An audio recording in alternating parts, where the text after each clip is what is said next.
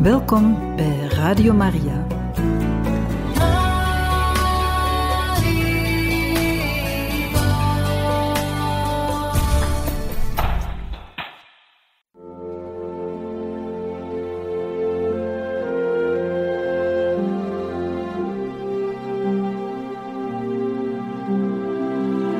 Beste luisteraars van Radio Maria, welkom bij het programma Catechismus. Een overweging bij de geloofschat van de kerk.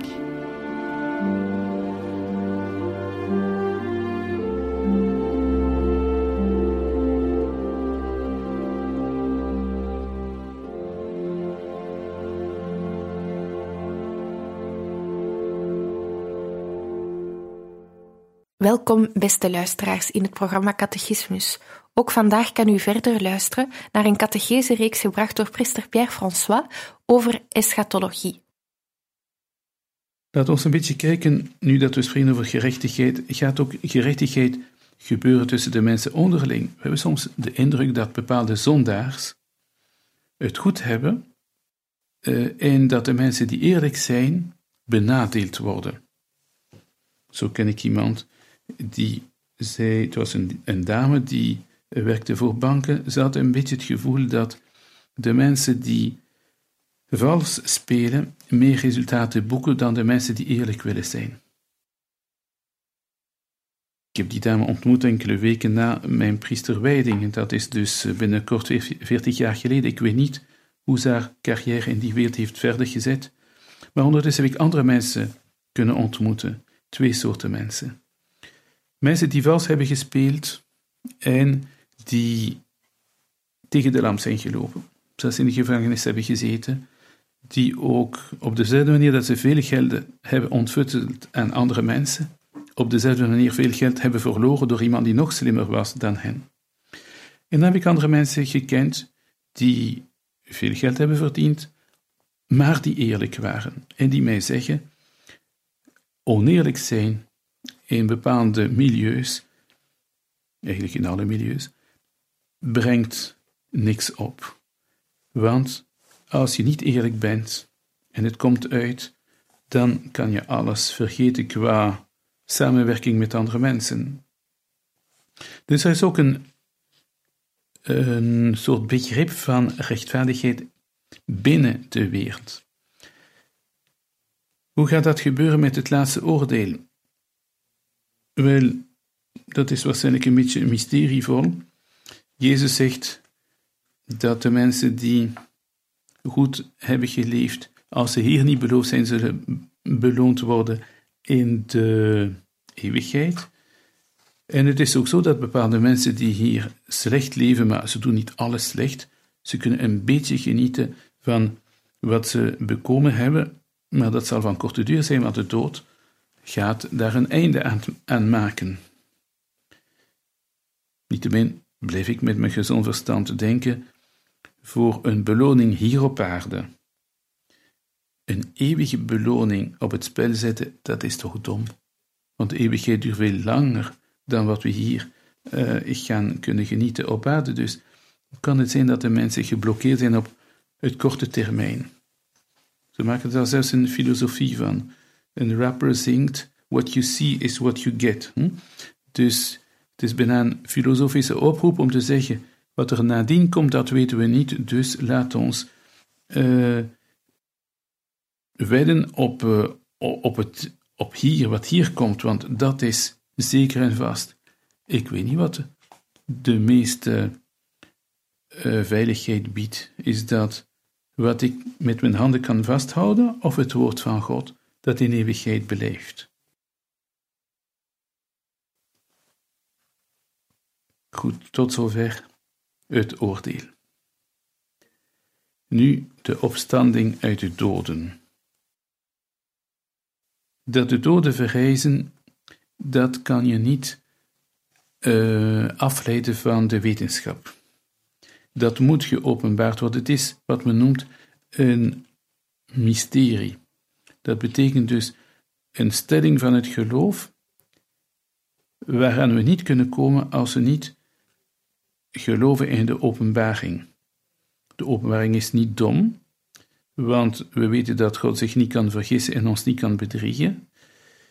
Dat het hard is voor onze mensengeest te denken dat die eeuwige God zich verlaagt om in contact te komen met onbeduidende schepselen zoals wij, maar toch, wij weten dat die God die zoveel van ons houdt, die God, die wil juist neerdalen en in contact komen met zijn schepping en hij openbaart zich als een vader, dus als iemand die contact zoekt met zijn kinderen.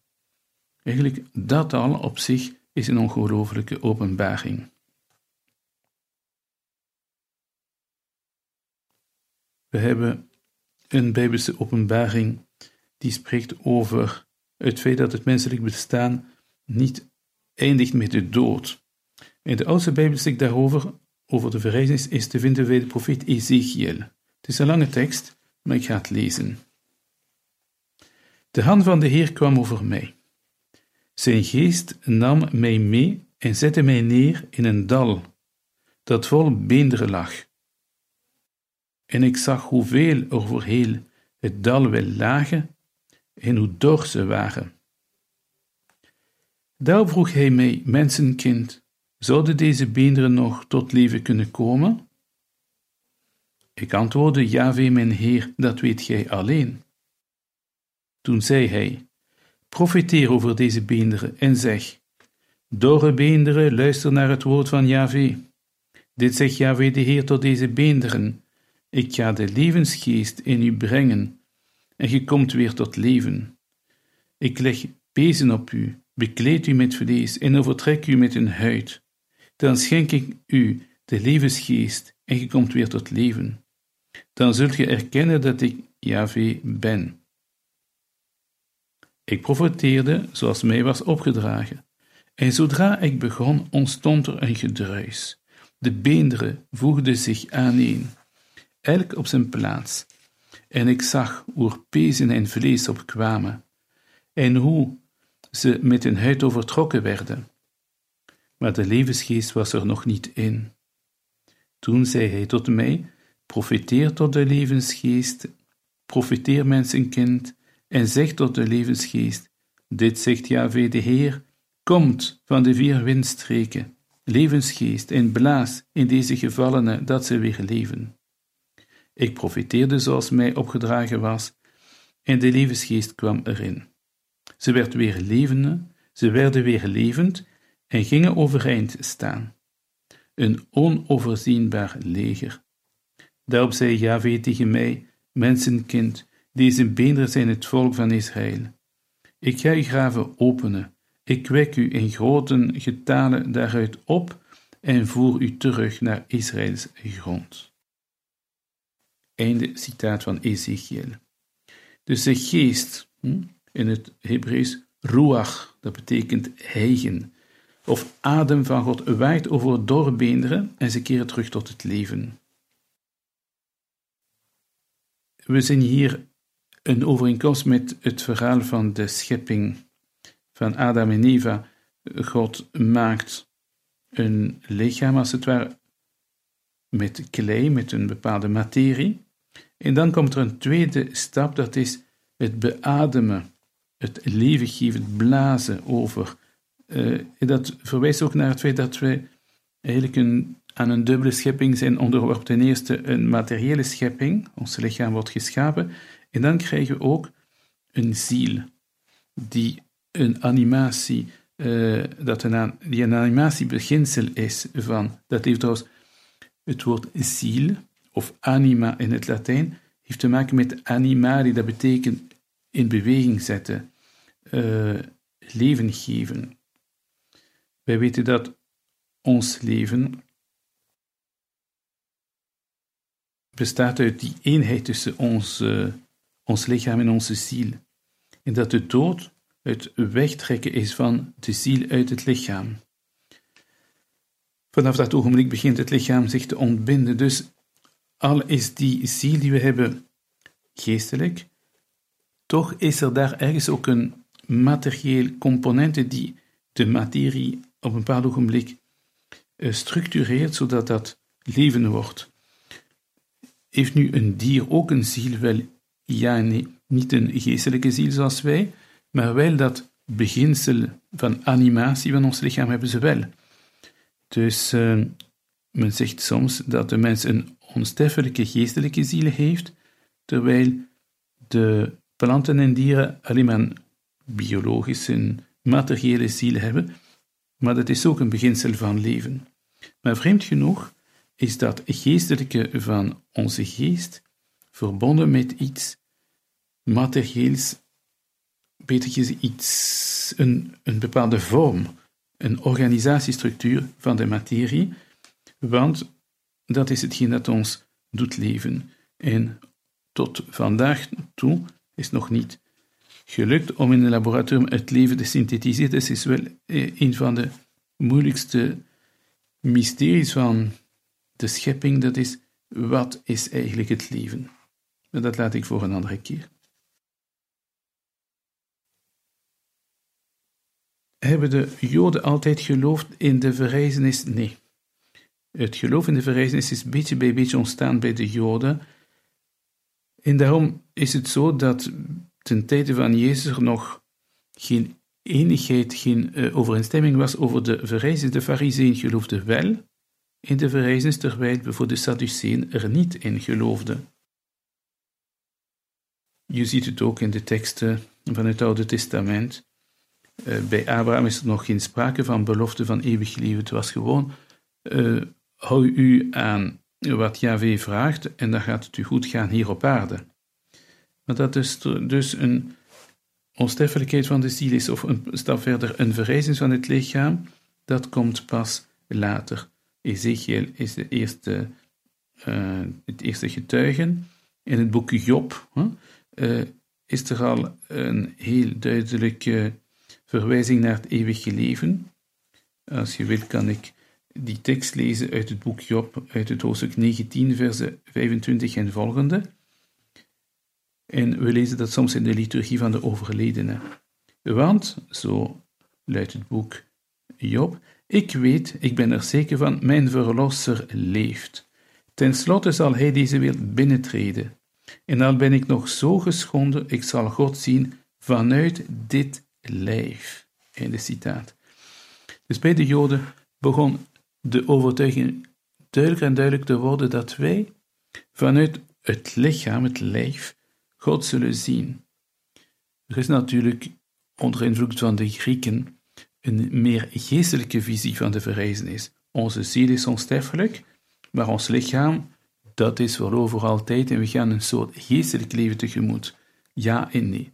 Misschien vlak na onze dood zal dat wel zo zijn, maar op de laatste dag, dan zullen we ook een materiële component hebben, al is het een nieuwe wereld een nieuwe hemel, een nieuwe aarde, en zal er iets veranderen in de schepping, zodat die overeenkomstig die eeuwige bestemming die we hebben, dat die daar in harmonie mee uh, zullen zijn. Uh, profeet Daniel zegt ook het volgende, hoofdstuk 12, vers 2. En vele van hen die slapen in het land van het stof zullen ontwaken, sommigen om eeuwig te leven, anderen om de smaad van een eeuwige schande te ondervinden. Dat hebben we al in het vorige hoofdstuk ook geciteerd.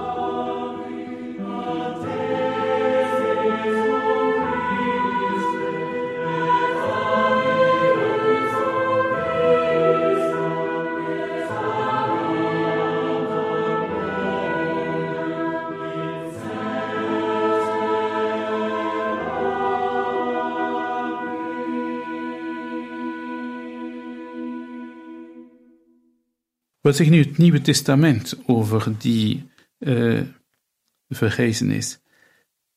Ik lees uit het Evangelie van Johannes. Er zal een uur komen, zegt Jezus, ja, het is er al, waarop de doden de stem van Gods Zoon zullen horen, en die er horen zullen leven. Dan zullen zij dit goede deden er uit de verschijning komen tot de opstanding ten leven, maar die het kwade deden tot de opstanding ten oordeel. Of een ander citaat, dat heeft te maken met de Eucharistie. Wie mijn vlees eet en mijn bloed drinkt, heeft eeuwig leven, en ik zal hem doen opstaan op de laatste dag. Om te geloven in die verrijzenis op het einde van de tijd moeten we eerst kijken naar de verrijzenis van Christus.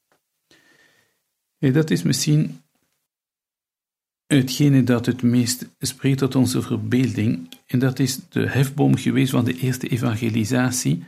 Het is de blijde boodschap van de verrezen Heer. Wanneer de eerste, uh, wanneer de apostelen binnenkomen in het graf waar Christus had gelegen, zegt een engel tegen hen: Hij is niet hier. Hij is verrezen zoals hij gezegd heeft. Op dat ogenblik, eigenlijk is de schepping gaan tuimelen in een nieuwe wereld. Dat was de eerste dag van een nieuwe schepping, de verrijzenis van Christus.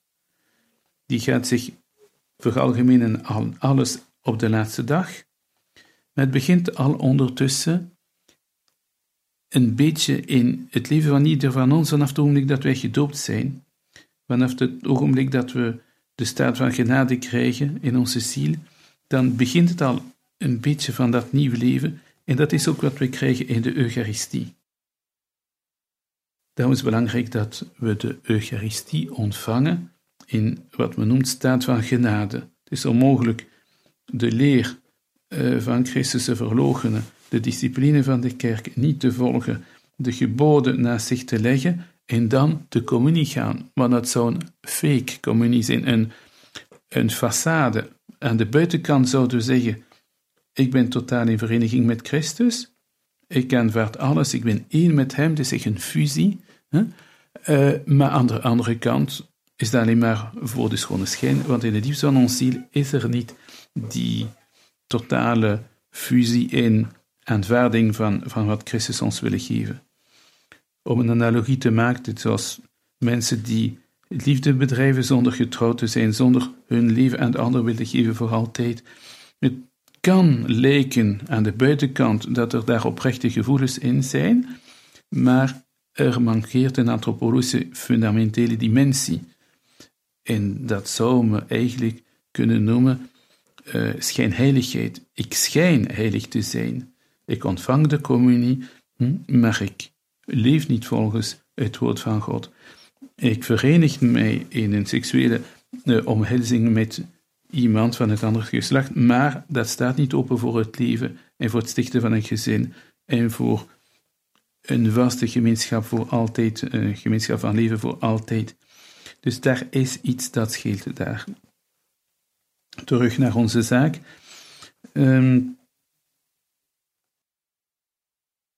toen de eerste christenen die boodschap hebben gegeven aan de verrijzenis van Christus, hebben ze een aantal mensen kunnen overtuigen, want dat de Zoon van God mens wordt, ja, eigenlijk waarom niet als God almachtig is? Dat hij dan verrijst eens dat hij ter dood wordt gebracht, waarom niet als, God almachtig is? Maar andere mensen zeggen, nee, nee, dat wil ik niet aannemen, dat kan niet. De Grieken zeiden zelfs, of de burgerlijke overheden uh, die Paulus gevangen hielden. Je bent krankzinnig, krankzinnig, Paulus. Je grote geleerdheid brengt je hoofd op hol. Lezen we in de handelingen van de apostelen. De afwijzende houding die zo dikwijls is gebeurd uh, bij de mensen die het niet willen eh, geloven, is niet nieuw. Te alle tijd zijn er mensen die zich verzetten tegen het idee van de verrijzenis van Christus met als gevolg dat ze ook helemaal niet getroost zijn door het idee dat wij gaan verrijzen en dat wij gaan geoordeeld worden. En dat is eigenlijk verbonden met de zin die de mensen hebben om in een oud leven te blijven. Ze leven in zonde, ze hebben geen zin om zich te bekeren. Enkele mensen die zeggen: Ik geloof in het eeuwige leven, ik denk dat het goed komt, ik denk dat ik gemaakt ben voor de eeuwige heerlijkheid. Die mensen kunnen daar troost en kracht uit putten om wel hun leven te veranderen. Er is ook een verwantschap tussen de verrijzenis van Christus en de onze. We zouden kunnen denken, ja, Christus is 2000 jaar geleden verrezen. Wat heeft dat te maken met onze verrijzenis op het einde van de tijd? Is duidelijk een ander fenomeen? Wel, nee. Er is een soort mm, filiatie. Onze verrijzenis is eigenlijk het gevolg van de verrijzenis van Christus. Paulus zegt, wij weten dat Christus eenmaal van de doden verrezen niet meer sterft, de dood heeft geen macht meer over hem. En dan kunnen we gemakkelijk aannemen dat Christus ons ook gaat doen delen aan zijn verrijzenis. Even een extra aandacht geven aan het lege graf van Christus. Het is zo bekorelijk wanneer wij de Bijbel lezen, uh, de letterlijke zin op de offer voor de geestelijke zin. Wat zegt de catechismus hierover? Die zegt, de schrift heeft verschillende betekenissen. Een letterlijke en dan een geestelijke. En de geestelijke wordt nog eens opgedeeld in drie andere. Geleerde mensen, laten we eerst beginnen met eenvoudige mensen die blijven bij de letterlijke betekenis. Geleerde mensen ontdekken dat er ook een geestelijke is. En ze daar vol bewondering van. Maar dan doen ze soms een stap te ver. Ze zeggen, ah, maar dat was de echte betekenis, de geestelijke. Dus ik ga de, letterlijke nu uh, gewoon afschaffen. Enkel telt de geestelijke betekenis. Ik ken heel veel mensen in de alma mater waar ik vandaan uh, afkomstig ben, uit Leuven, die enkel blijven steken bij de geestelijke en de letterlijke heeft geen belang meer. En dat is een fout, want dat is overdreven in de andere richting. De schrift heeft twee betekenissen, letterlijk en figuurlijk. Wel, het lege van Christus uiteraard heeft een geestelijke betekenis. Dat de dood sterker is, sorry dat het leven sterker is dan de dood, de liefde sterker is dan het kwade, de waarheid sterker dan de leugen. Maar het heeft ook een historische letterlijke betekenis. Christus is echt uit de doden opgestaan. Laat ons enkele ideeën geven in verband daarmee. Het lege graf op zich is al een enorm startpunt geweest voor de evangelisatie. Maar pas op, niet enkel het lege graf, maar ook de verschijningen van de verrezen Christus aan zijn leerlingen. Dat is weer een bekoring voor de moderne predikant dat hij moeite heeft om de verschijningen van de verrezen Heer uit te leggen, want dat is bovennatuurlijk, dat gaat ons verstand te boven, dat hij blijft steken bij het lege graf, want dat is inderdaad een historisch feit. Maar het lege graf is toch, uh, betekent toch heel veel. Als we spreken over het lege graf, moeten we niet in een soort simplificatie vervallen. Ofwel zeggen we dat is louter symbolisch, ofwel uh, dat is een historisch feit zonder geestelijke betekenis. We moeten aanvaarden dat dat gebeuren tegelijkertijd historisch is en ook eschatologisch. Tegelijkertijd reëel en ook uh, drager van een, bepaalde uh, boodschap.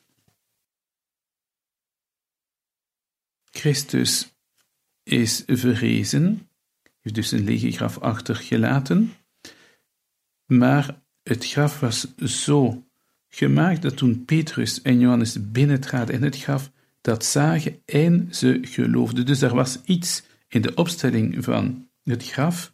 Wat het is, weet ik niet precies. Waarschijnlijk ligt het aan de zwachtels die op een bepaalde manier daar lagen, of een lijk waren, dat ze begrepen, hier is er iets bovennatuurlijks gebeurd. Dit werd bevestigd door het feit dat de verrijzenis een tweede aspect heeft naast het lege graf ook de verschijningen van de verrezen Heer aan de leerlingen. die verschijningen zijn niet louter een geestelijke inzicht, zoals veel mensen graag zouden willen zeggen. En daartoe is de, het getuigenis van Thomas het belangrijkste. Hij weigerde te geloven, zolang hij niet zijn vinger had gestoken in de plaats van de nagels of zijn hand had gelegd in de wonden van zijn zijde. De leerlingen zeggen, of de evangelisten zeggen uh, eensduidend dat het ging over Jezus die zich in een andere gedaante toonde. Dat legt uit dat de leerlingen van Emmaus hem niet onmiddellijk hebben herkend, of dat Maria Magdalena tegen hem sprak zonder te begrijpen dat het Jezus zelf was. Dus dat betekent dat er waarschijnlijk een of andere verandering is uh, opgetreden in zijn uiterlijke. Maar aan de andere kant dat er toch een zekere continuïteit was, want dat is ook de boodschap van de wonden, die zichtbaar bleven, om ons te laten zien, kijk, het, het verrezen lichaam is identiek hetzelfde als het lichaam dat geleden heeft aan het kruis. En dat is eigenlijk heel, veel, heel hoopgevend. Christus, door zich te laten zien met zijn verheerlijkt lichaam, dat niettemin de tekens draagt van zijn lijden uh, de, hm, en, en zijn dood, kan ons laten begrijpen dat er een hele grote eenheid is tussen wat wij in ons eigen lichaam nu ondervinden en het lichaam dat wij zullen krijgen op de dag van de verrijzenis. Maar dat laten we over aan een andere catechese.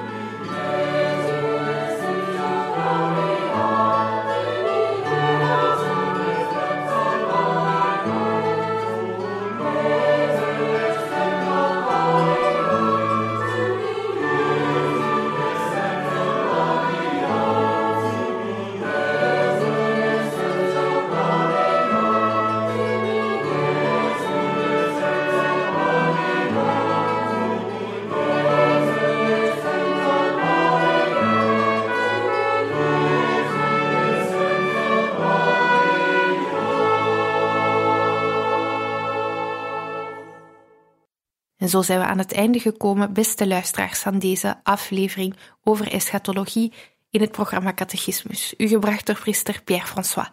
Radio Maria wenst u nog een mooie dag toe.